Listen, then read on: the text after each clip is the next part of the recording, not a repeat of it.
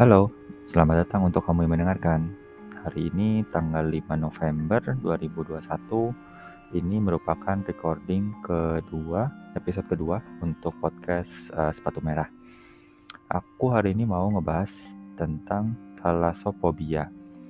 Kalian pernah dengar nggak kata satu itu? Kalau belum, coba deh googling kata tersebut.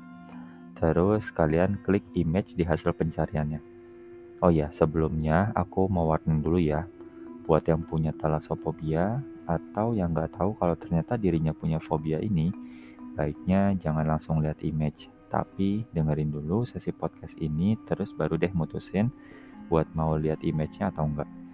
Soalnya mungkin yang punya fobia ini pas lihat gambar di hasil pencarian Google bisa panik dan histeris mungkin. Ya intinya aku udah ingetin di awal ini ya, hehe. Sebelum masuk ke pembicaraan, aku mau cerita kenapa aku ngomongin uh, topik ini. Jadi, udah lama aku mengetahui kalau diriku ini mengidap thalassophobia. Aku tahu hal ini kalau aku lagi berenang di kolam renang. Uh, aku suka ngebayangin hal-hal aneh kalau di ujung kolam renang yang warnanya biru pekat itu ada sosok berupa makhluk yang pastinya bukan manusia entah itu kalian mau sebut monster atau creature atau ya you can name it. Eh, nah dari uh, ketika Adia itu masuk pas aku lagi berenang, aku bisa panik dan dari gerakan renang yang benar bisa langsung stop dan buru-buru aku ambil posisi berdiri supaya aku bisa lihat ke ujung dan ngeyakinin diri sendiri kalau nggak ada sosok itu di sana. Mungkin ini kedengaran aneh ya.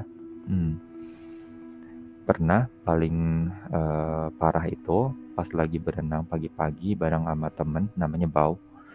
Itu udah sejam kira-kira kita berenang, terus, uh, gerimis turun.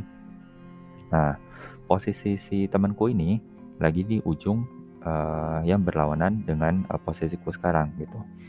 Kira-kira jaraknya 10 meteran lah. Terus aku berenang nyamperin dia kan, pas aku udah sampai di tengah kuliah pas lagi ngambil nafas tuh kira-kira aku lihat dia udah nggak ada di ujung gitu. Ternyata dia udah naik dan lagi jalan ke ruang bilas. Seketika aku panik. Soalnya sepanjang berenang selama sejam itu si fobia si thalassophobia itu udah ada sebenarnya. Aku udah ngerasain itu.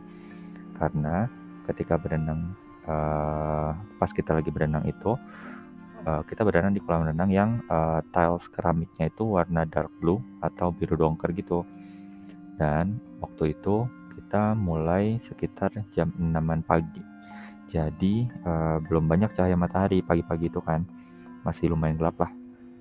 Nah, ini bikin imajinasi makin liar.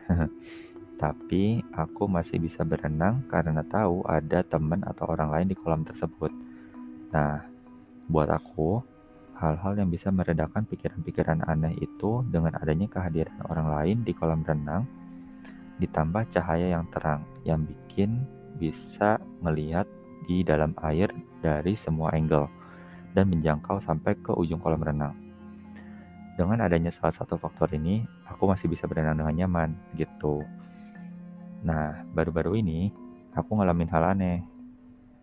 Uh, hal apa itu? Jadi gini, sebenarnya ini yang mau aku bahas nih uh, intinya dari uh, apa podcast kita episode ini. Lebih tepatnya uh, aku mau nanya sih ke teman-teman um, ada juga nggak sih yang ngalamin hal serupa kayak aku gitu. Jadi gini, akhir-akhir ini aku sadar kalau ternyata tiap aku mandi pas momen lagi bilas busa uh, keramas di kepala biasanya kan kita merem kan sambil air dari shower jatuh bilas busa sampo di kepala dan wajah tujuan merem kan biar mata nggak kena dari busa yang bikin perih mata kan.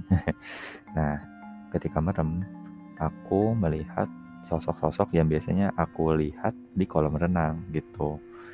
Aneh kan? Nah, ini tuh bikin aku buru-buru buka mata padahal busanya masih ada. Jadi masuk ke mata deh busanya. Asem bet. Lah, nyerita background doang panjang amat ya. Maafin ya. Oke, sekarang aku mau coba kasih penjelasan ala kadarnya dulu nih tentang fobia yang satu ini. Kalau kita googling, banyak yang ngasih penjelasan seperti Wikipedia dan website-website lainnya.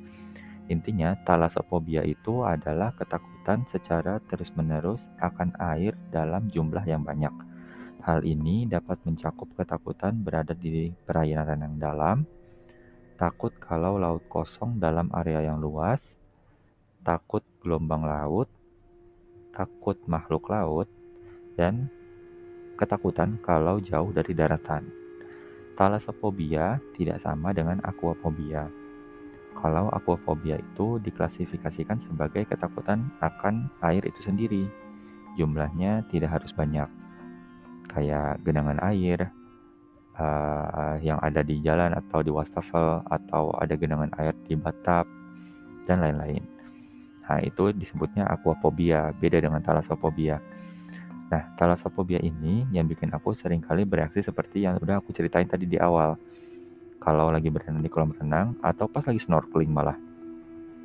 Ada yang menyebabkan fobia, ah, sorry, apa yang menyebabkan fobia ini eksis?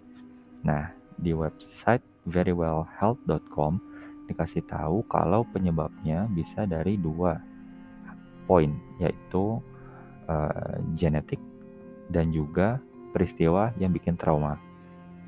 Kalau, uh, aku runut di keluargaku, mau keluarga inti maupun keluarga yang lebih atas lagi, uh, aku nggak pernah dengar ada dari mereka yang punya talasophobia. Um, aku nggak tahu pasti sih, tapi yang aku tahu pasti itu dari keluarga intiku sih, um, mereka kayaknya nggak pernah punya nggak pernah ngomongin hal ini ya, uh, bahwa mereka punya talasophobia. Tapi kalau dari poin yang, um, peristiwa bikin trauma, aku rasa aku punya. Jadi mungkin ini uh, penyebabnya kenapa aku bisa punya talasophobia. Jadi waktu kecil aku tuh sering banget nonton film di TV um, yang model-model Jaws atau Deep Rising uh, yang monster gurita itu gede. Nah, yang gitu-gitulah gitu. Jadi itu kan dulu sering diputar tuh di RCTI kalau nggak di Trans TV di prime time gitu kan jam 8-an malam. Nah, jadi uh, dengan sering nonton film itu mungkin uh, main uh, aku udah ter mindset-ku udah terbentuk gitu dengan ngelihat uh, kedalaman air itu bisa aja ada monster yang tiba-tiba timbul gitu. Konyol ya. Ya anyway, sekarang balik lagi ke inti permasalahannya nih yang mau aku lempar ke kalian.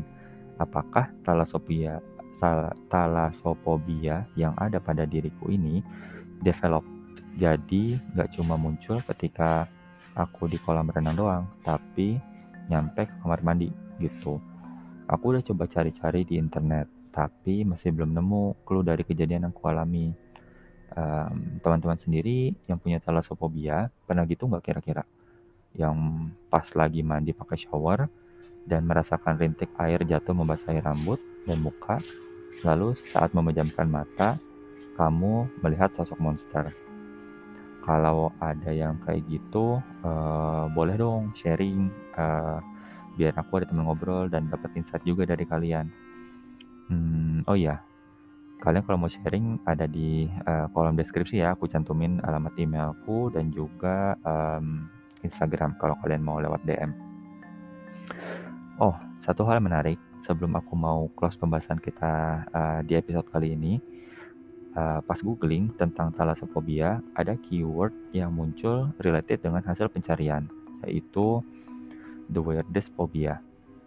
Aku nggak tahu dengan kalian yang mendengarkan dan punya satu fobia, apakah menurut kalian ada yang namanya weirdest phobia atau uh, dalam bahasa Indonesia-nya fobia yang aneh?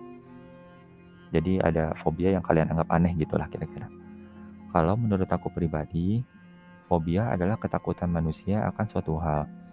Untuk orang yang tidak mengalami ketakutan itu, akan terlihat aneh mungkin di mata mereka, uh, dan mereka bisa nge-label kalau suatu fobia itu aneh karena mungkin mereka lupa kalau mereka juga punya suatu ketakutan dan reaksi mereka ketika mereka uh, menghadapi ketakutan mereka tersebut itu mereka juga mungkin bisa panik gitu jadi mungkin mereka lupa akan hal ini uh, atau mereka tidak pernah mengalami ketakutan yang sangat yang bisa bikin panik. Jadi mungkin kenapa orang-orang bisa nge-label suatu fobia itu aneh. Buatku pribadi, nggak ada yang namanya fobia yang aneh. karena kita nggak pernah tahu apa yang orang tersebut pernah alami sehingga uh, mereka dapat bereaksi seperti itu ketika menghadapi ketakutannya. Aku harap kita bisa saling menghargai dan lebih considerate kepada orang-orang terdekat dan sekitar kita. Karena kita kan makhluk sosial ya, yang berinteraksi dengan orang lain. Buat kalian yang punya fobia, aku sangat berharap kalian kenal dengan fobia kalian dan dapat menemukan metode terbaik untuk mengatasi ketakutan kalian. Hmm, cukup segini dulu aja kali ya bahasannya. Aku tunggu ya jawaban teman-teman di email atau DM Instagram yang tertera di kolom deskripsi. Sekali lagi ku ingetin setiap episode karena aku beneran pengen tahu apa yang ada di uh, uh, pikiran kalian ataupun insight dari kalian. Aku mau tutup episode kali ini dengan uh, quote dari Rubius Hagrid di Harry Potter yang seriesnya Goblet of Fire. I am what I am and I'm not ashamed. Okay, that's all. Stay safe all of you. Thank you for today and see you soon all. Bye bye.